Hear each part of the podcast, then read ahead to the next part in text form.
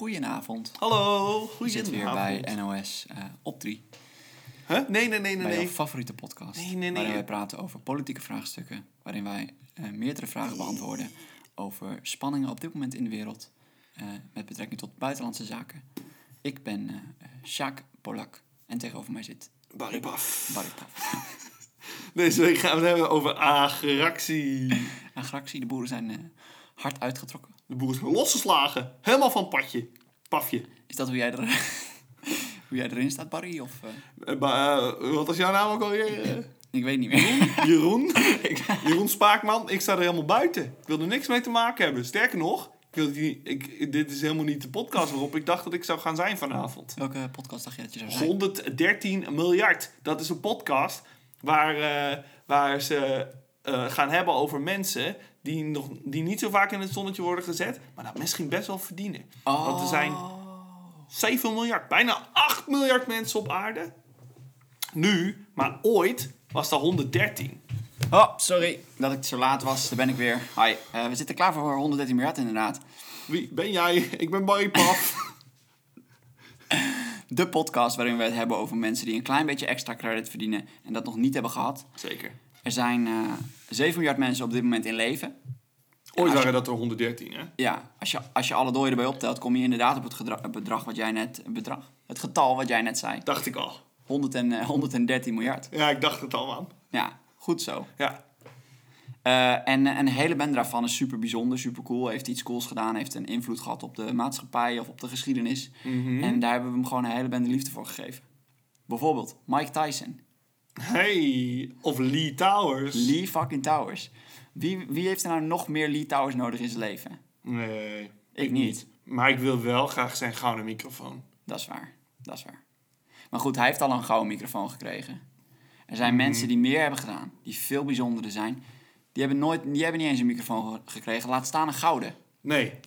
Geef, ge- waardeer iemand een keer. Geef iemand een microfoon. Geef, als je op straat iemand ziet en je denkt, dit, deze persoon eh, verdient wat waardering, druk hem gewoon een microfoon in zijn hand. Ja. En eh, tot volgende week. Dat is de moraal van het verhaal. ja. Nee, dus iedere week vertellen, vertellen wij omste beurten het verhaal van een van deze personen waarvan wij vinden dat ze het verdienen. Ja. En jij weet niet over wie ik ga vertellen. En als jij vertelt, weet ik niet over wie jij vertelt. Ja, hebben we dat eigenlijk wel eens gezegd? Ik denk dat het wel duidelijk is. Anders zijn we best oké acteurs. Ja, anders ben je wel redelijke acteur. en ik heb vandaag weer een mooie klaarstaan. Oké, ik weet er niks van. Weet je, wat ook, knipoog. weet je wat we ook klaar hebben staan? Nou? Deze hele dikke tune. Oeh!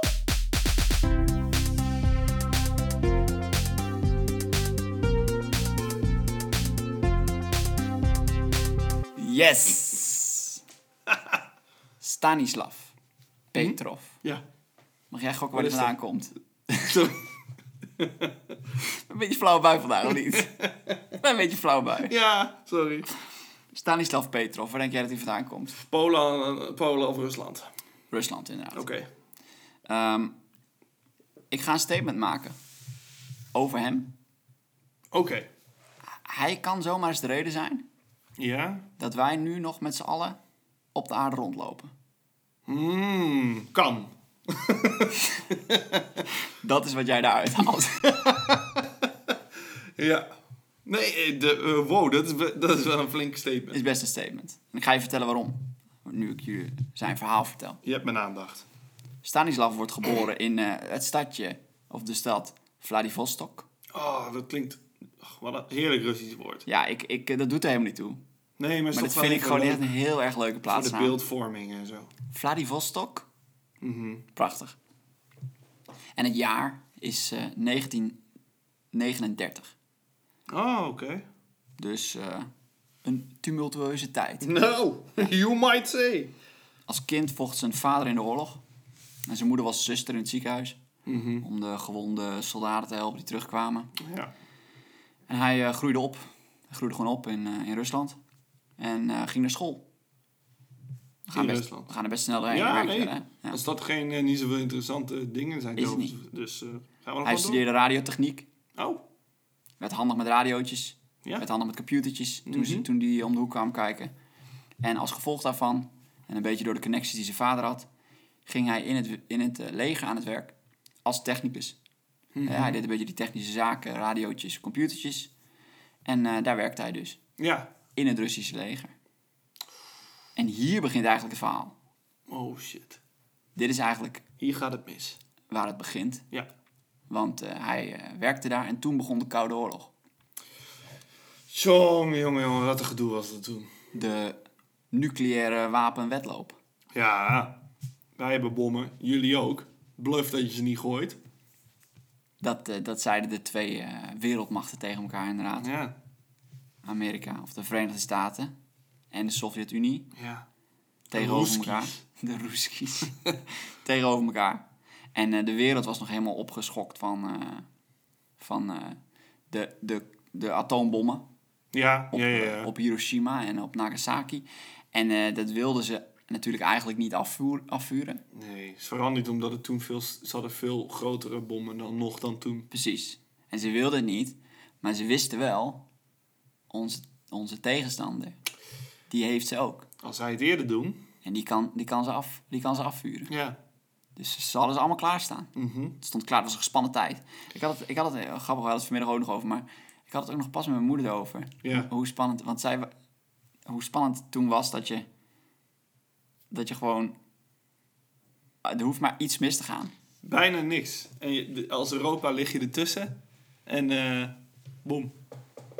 Je, je bent gewoon aan het leven, je bent aan het werk en eigenlijk weet je Op elk moment. op ieder moment. Ik kan me een aflevering van Mad Men herinneren waarin eh, er een of andere dreiging leek te komen dat de Rus- Russen vanuit Cuba iets gingen schieten. En eh, toen eh, was gewoon heel, heel Amerika was plat. Ah, we gaan toch dood. Fuck it. Het ging allemaal mensen vreemd. Ze dachten van, dit is het eind. Ja, want er was, ik weet niet of, wat voor specifieke dreiging er was, maar... Ja, en als Doe maar er al liedjes over gaat maken. Ja, de, de bom. Tot tot de bom valt. Wij nemen haven. Maar ik ken de tekst niet, maar dat maakt mij Carrière maken. carrière maken. Ja, maar dan gaan ze het hebben over dat het allemaal zo onzin is dat mensen zo druk bezig met hun leven zijn als de bom toch gaat vallen. Ah ja, ik, ik, ik begrijp het, het idee van het nummer, maar ik, Laat maar vallen, dan komt er toch wat van ik weet. ja. Ja, nee, maar ik heb Leuk het gevoel, liedje. weet je, bij, bij Doe Maar, gewoon een beetje mompelen. Weet je, mompel op een baslijntje. Ja, heel harde bas. Bom, bom, bom, bom, bom. Blinder de dit een tijd, blinder de het? Een soort dronken Herman van Veen. Ja. Nou, dat dus. Ja, nee. Nee, maar goed, als er inderdaad Doe Maar er al over zingt, dan staat inderdaad echt de hele wereld op zijn kop. Ja, Want die hebben normaal niet zoveel te vertellen in hun liedjes. Nederwiet. Weet je wel? Nee. Ja, nee.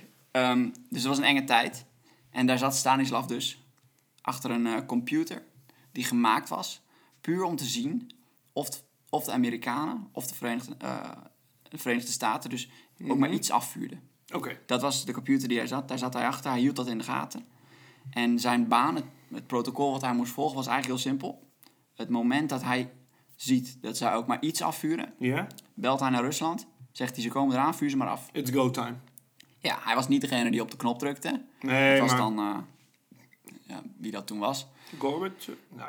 Gorbachev? kan. Kan. Maar goed, hij was dus wel degene die, eh, die echt in de gaten moest houden Ja. of er iets, moest of, of er iets kwam. Ja, Want je wil natuurlijk vuren voordat ze landen, want anders ontploffen ze al. Precies. Waarschijnlijk. Ja, precies. Dus eh, ze hadden eigenlijk een soort, ja, een soort camera's en dingen eh, eh, gericht op Mhm. Amerika. En als ze dan het vuur zagen van een, van een nucleaire raket, weet je, dat brengt een enorme explosie vrij als die, Nou, als die ja. de lucht in gaat. Vol straling en shit. het moment dat, die, dat ze dat zien, bellen Rusland, of bel Moskou, Ja. stuur ze er maar op af. En Rusland had toen net de eerste satelliet gelanceerd. Hmm. Weet ik. eh, Toevallig eh, in een filmpje gezien. Cool. Dus toen hadden ook satellieten daarvoor. Hmm. Dat was de... Ja. En ehm, dat was protocol. En protocol in Rusland, dat volg je. Oh, oh ja, ja, ja, ja. Want anders Goed, nou. ga je dood. Ja, ik wou zeggen, daar, winnen ze er niet zoveel doekjes om. Nee, ik, ik zou... Nee. eh, waarschijnlijk hadden ze ook zo'n mannetje zitten in Amerika. Ja, dat is een dikke kans, ja. Eh, Dus het was inderdaad... eh, Wat een verschrikkelijke baan. Dus het is, je zit het panisch naar een schermpje te kijken. In de, in de, je hoopt natuurlijk dat er niks gebeurt. Of je weet niet hoe groot de haat voor, voor de, de, de kapitalisten is. Maar eh, als, je, als je... Dan zit je daar... Is dat niet... Nee, oké. Nee, oké. Ja. Oh, nee. Nee, oké. Nee, oké. Wacht, Nee. wacht even. Nou, hij zat er dus achter het schermpje. en eh, toen kwam er ineens met grote letters, rode letters, Oh, midden in het scherm te staan, Rusland. ICBM onderweg. En dat betekent eigenlijk, eh, IB, ICBM is een Intercontinental Ballistic Missile, dus, Oh ja, dus een raket. die doen het. Er komt een raket aan, Ja, dat zeiden ze. En eh, dat betekent gewoon Amerika heeft iets afgevuurd. it's go time. It's go time. En wat hij nu moet doen is, hij moet die telefoon pakken. En hij moet bellen naar Moskou en hij moet zeggen, vuur ze maar af. Met alle gevolgen van die, want dat weet hij in zijn achterhoofd. Dan is het... Ja, oh my god. En daar zat ook nog bij dat hij nu moest beslissen. Want wat jij net zegt, het moment dat er een raket op je afkomt, kun je niet even gaan over, ga je niet bellen naar Amerika. Is- luister, is dat een raket die jullie op ons eh, af hebben? Want die zeggen natuurlijk nee als ze dat dat, wel eh, hebben gedaan. Express, of Ja. wat is er precies aan de hand? Eh, kunnen we het er even over hebben voordat jullie de... de... Ja, er is geen tijd voor overleg. Nope. Je moet reageren, want eh, reageren met een nucleaire bom op je hoofd is veel moeilijker. ja. ja. Ehm, maar hij twijfelde. Hij twijfelde een klein beetje. Hij, hij had de- het nieuws in de gaten gehouden en hij vond... Hij zag niet zo heel goed eh, waarom het nu dan zou moeten. Ook al was er net een nieuwe president eh, aan de macht die net wat meer eh, trigger-friendly was. Volgens mij was het Reagan toen. Eh, en die had net wat vaker gezegd dat hij... hij we doen het, we doen het als, als jullie iets doen. We doen het als jullie wat doen. Oh shit. Ehm, en- maar hij twijfelde toch even. Ehm, en, en vooral zat hij in zijn achterhoofd met het feit dat het moment dat hij dat belletje maakt, Ja. ja, weet je gewoon, hij, hij heeft gezien, dat, dan is de halve wereld eraan. Het is echt... Dus hij dacht, ik, ik- met zijn team samen nog, we, gaan het, we lopen het toch even na. Ga heel even kijken. En toen bleek, Ook al heb je geen tijd, hè? je hebt geen tijd. En hij dacht, we gaan toch even, loop alles nog even goed na. Als jij het op je geweten hebt dat je het vervolgens te laat bent, my god. En toen ehm, kwamen ze erachter dat de zon die dag heel fel was. Oké. En het schijnen van de zon had een illusie gegeven Ah, ja. van het afvuren van een raket. Wat die computer had begrepen als er komt een raket aan. En, als, en dus had doorgegeven Ja, als eh, op dit moment het gaat gebeuren. gaat het gebeuren. Vals alarm. Niet één vals alarm, Oh. maar twee. Nee, niet twee, drie. Nee. Vier, Eh. vijf. Vijf keer zei hij, er komt een raket aan. Oh my god. En elke keer... Ja, ik weet, het is een beetje spoiler alert. Het is een ik, beetje ik weet hoe het is afgelopen. Ik zit het heel erg hè, suspensevol, Ik heel vind het spannend, spannend. spannend te vertellen, alsof het een heel erg spannend verhaal is. Maar jullie weten allemaal dat eh, de Koude Oorlog met een sisser is afgelopen en dat de nucleaire raketten niet door de lucht zijn eh, gevlogen en om de halve wereld op te blazen. Maar dat komt dus onder andere door het feit dat, heb ik zijn naam vergeten, Stanislav Petrov. Stanislav Petrov even een tweede keer heeft gecheckt. Hij heeft niet gebeld. En- Daarom is hij de man in charge. Precies. En hij is er dus achter gekomen dat het een vals alarm was. En waarschijnlijk heeft hij daarmee de wereld gered. Want op het moment dat het valse alarm binnenkwam, had de Sovjet-Unie, heb ik even gekeken, Mhm. namelijk 35.804 nucleaire raketten staan. Ja, oké.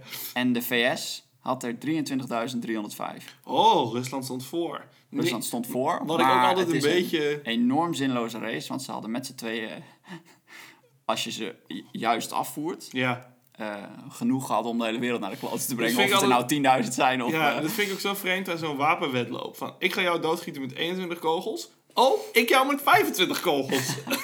Haha. Oké, dude. ja. Eén is genoeg eh, voor eh, heel veel doden. Ja, wat eh, we dus ook hebben gezien in Nagasaki en ja. Hiroshima. En deze Dus- waren dus nog... Ja. nog. En heel, Nee, hoogstwaarschijnlijk waren, die, waren zeg maar al deze, wat is het, eh 60.000 nucleaire raketten gewoon Mhm. allemaal de lucht in gegaan. Want je hoeft ze namelijk niet te bewaren voor een tweede nucleaire oorlog, want die komt er niet. Die zitten waarschijnlijk niet... Hoe, Na de eerste ben je al klaar. zeg hoe maar. erg... Ik kan me echt niet voorstellen dat het Ze hebben het ook niet gedaan. Maar ik kan me echt niet voorstellen. Je moet zo crazy zijn om de beslissing te maken. Nu gaan we 400 raketten, nucleaire raketten op. Dat, je kunt die verantwoordelijkheid niet op je nemen. Je kunt het sowieso niet afvuren, maar je kunt ook niet... Ik denk ook op een bepaald moment, wat jij ook al zegt, je, hebt toch ook genoeg... Je hebt er toch... eh, Als in de oorlog was, stop, Tweede Wereldoorlog stopte met Japan omdat Amerika die bommen gooide. En Ja. Japan zoiets van. oh, twee twee oh, is zeg maar genoeg. dit is echt zo. Oh, maar dit kan echt niet. En dan 35.804. En waarschijnlijk waren ze ze nog aan het maken. Ja, Waarvoor? doen ze nu ook nog steeds. Hoeveel geld kosten 35.000 raketten? Welke mensen zijn daarna aan het werk en denken van... Nou, ik vind het, wat gaan we vandaag doen? Ja, weet je wat? Zullen we er nog maar één maken? Slinger er nog maar eentje in elkaar. Maar we hebben er al zoveel. Ja, maar zet, maar, zet die loodsen maar vol. Ja, oké. Weet je, Nou, Rusland heeft, eh, heeft genoeg. Hoe zullen we hem deze keer noemen, jongens? Pff, Noem hem... eh World Ender? Nee, Alhoewel, dat nee, die hebben we al. Dat wordt World Ender 63 dan. Oh ja, nee, dat is ook niet echt lekker. Nee. ehm, wat dacht je van gewoon, gewoon even knal... Noem maar gewoon knalbommetje of zo. Ja, maar die hebben we ook al. Karel heeft dat al een keer Oh, gedaan. fuck. Karel, sorry. Plo- plof, eh, plof, Plofkip. plofpijl, Plofkip. plofkip, Plofkip. plofkippie. Plofkippie. Eh, zet jij het er even op, eh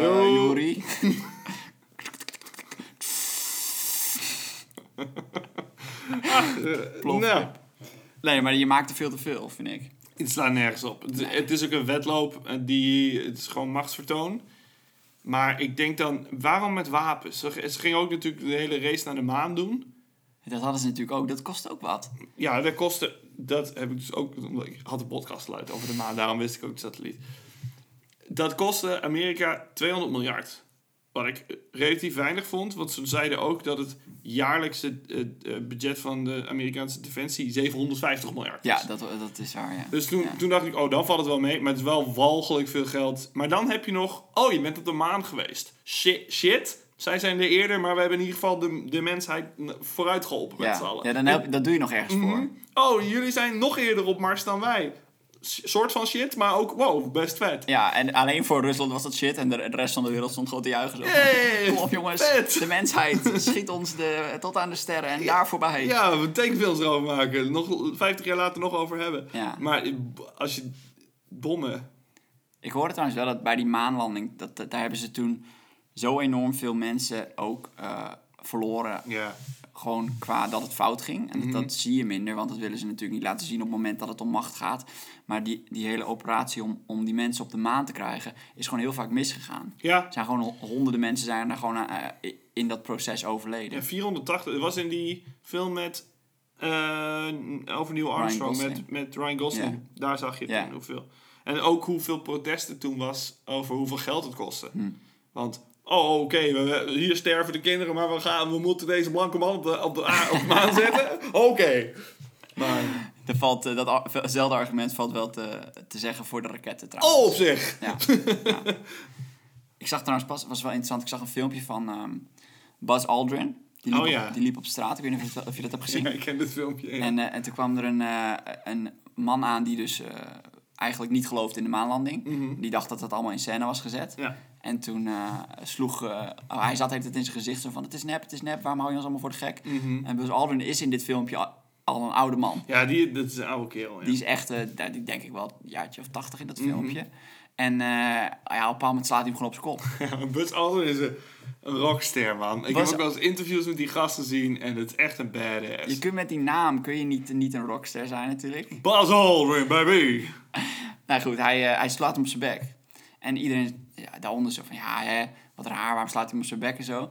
En iemand anders reageerde inderdaad ook met, je moet het inderdaad zo, je moet in je achterhoofd houden dat hij gewoon, om dat te bereiken, zijn, Ja. ei- zijn eigen leven op de lijn heeft gezet. En waarschijnlijk heel veel van zijn Maar vrienden die aan het ja. project hebben meegewerkt, eh, is hij verloren in Absoluut. dat proces. Dat is een, van de grootste sacrifices. Er was praktisch...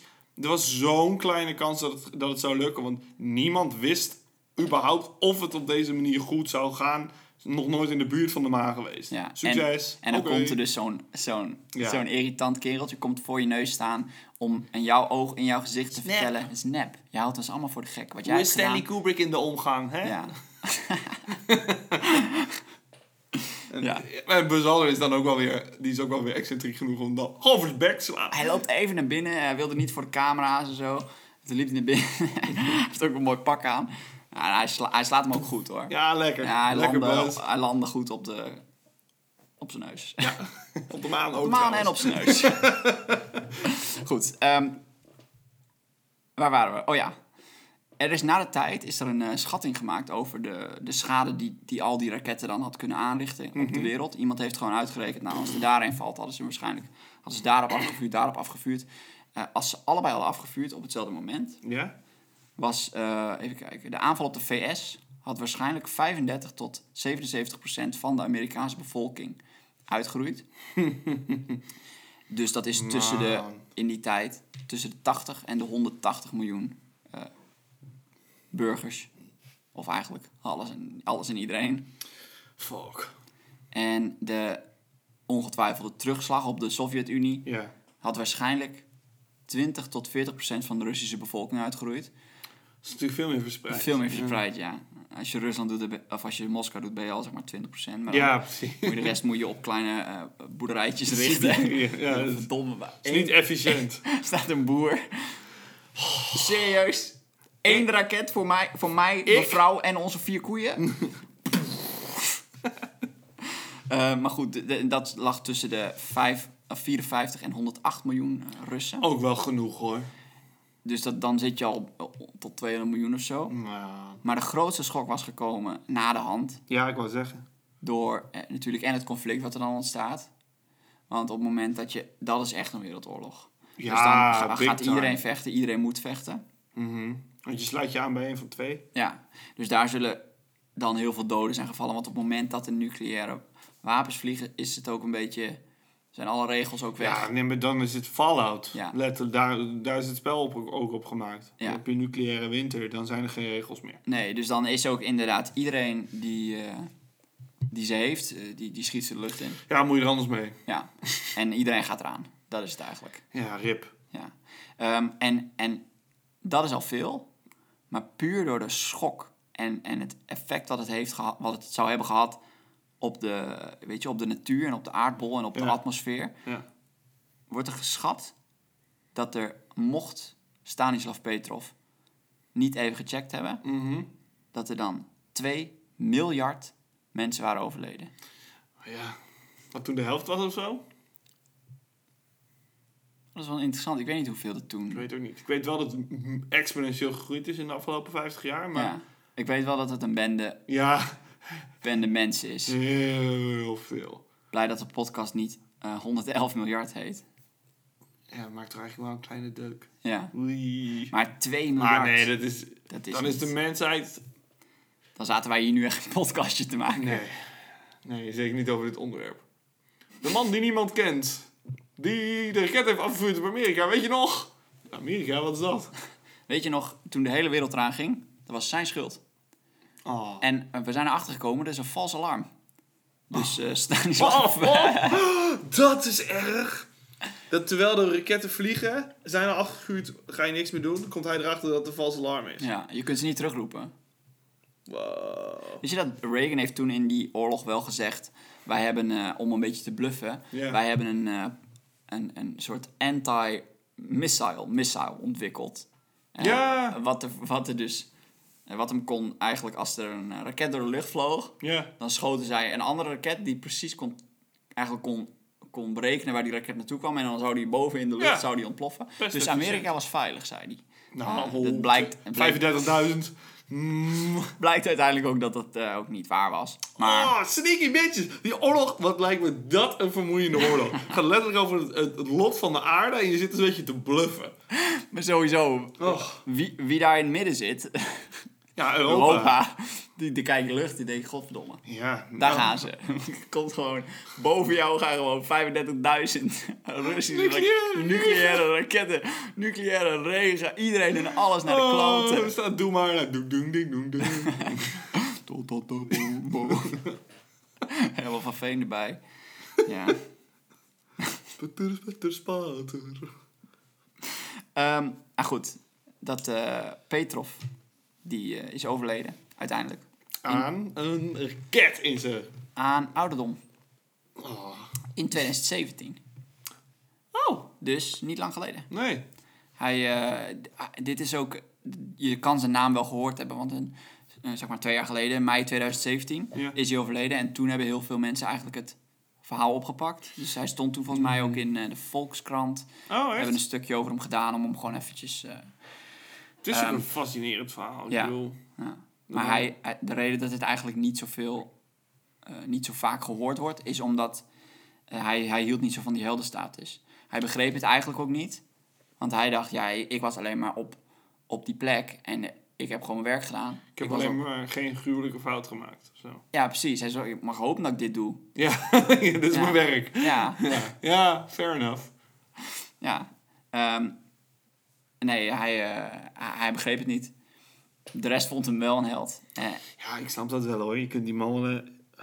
Het is ook maar... Kijk, natuurlijk, in de oorlog is het überhaupt een beetje gek om helden aan te wijzen. Want het is altijd een, een, eh, eh, hè? Het is altijd een groeps, eh, groepseffort. ja, ja. Maar eh, als je zo... de- hij is de man met de knop. Of de man die met de knop naar de man met de knop. ja. Dan ben je wel een held.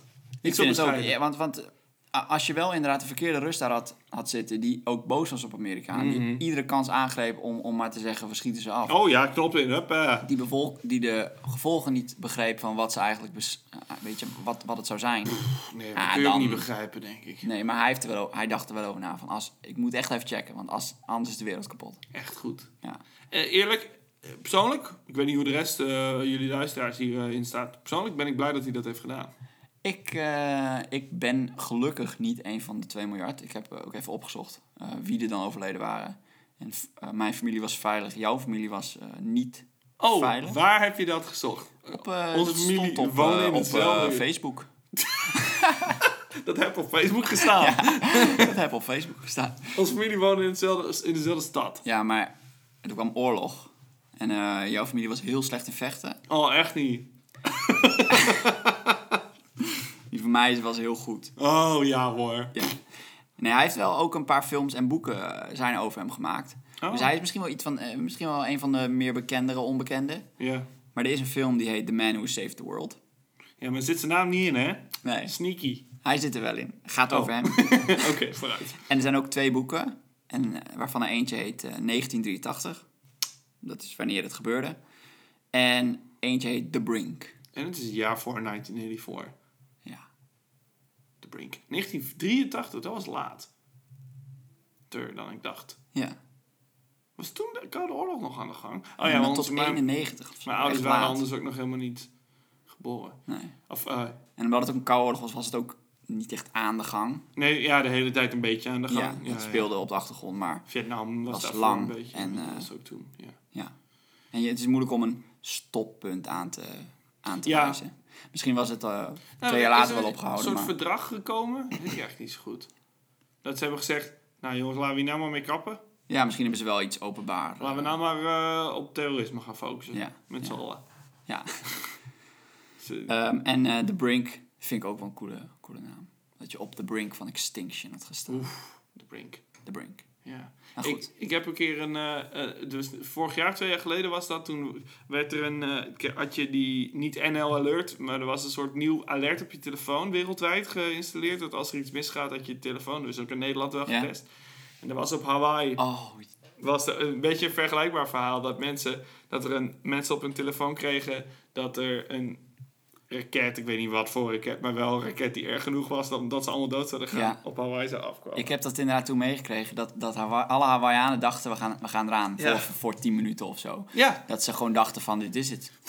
Puur door eh, inderdaad een technisch falen van, eh, van een systeem. Oh my god, misschien beter dat één eh, helder denkend eh, man aan de knop zit... in plaats van dat heel de bevolking een Ja. melding krijgt... komt de raket aan! Oh nee, toch niet! Ja, even, even iemand, eh, gewoon een eh, man of vrouw natuurlijk. Tuurlijk. Die, die, gewoon, die gewoon even checkt voordat, voordat wat eruit Even een extra beat neemt Ja. en denkt...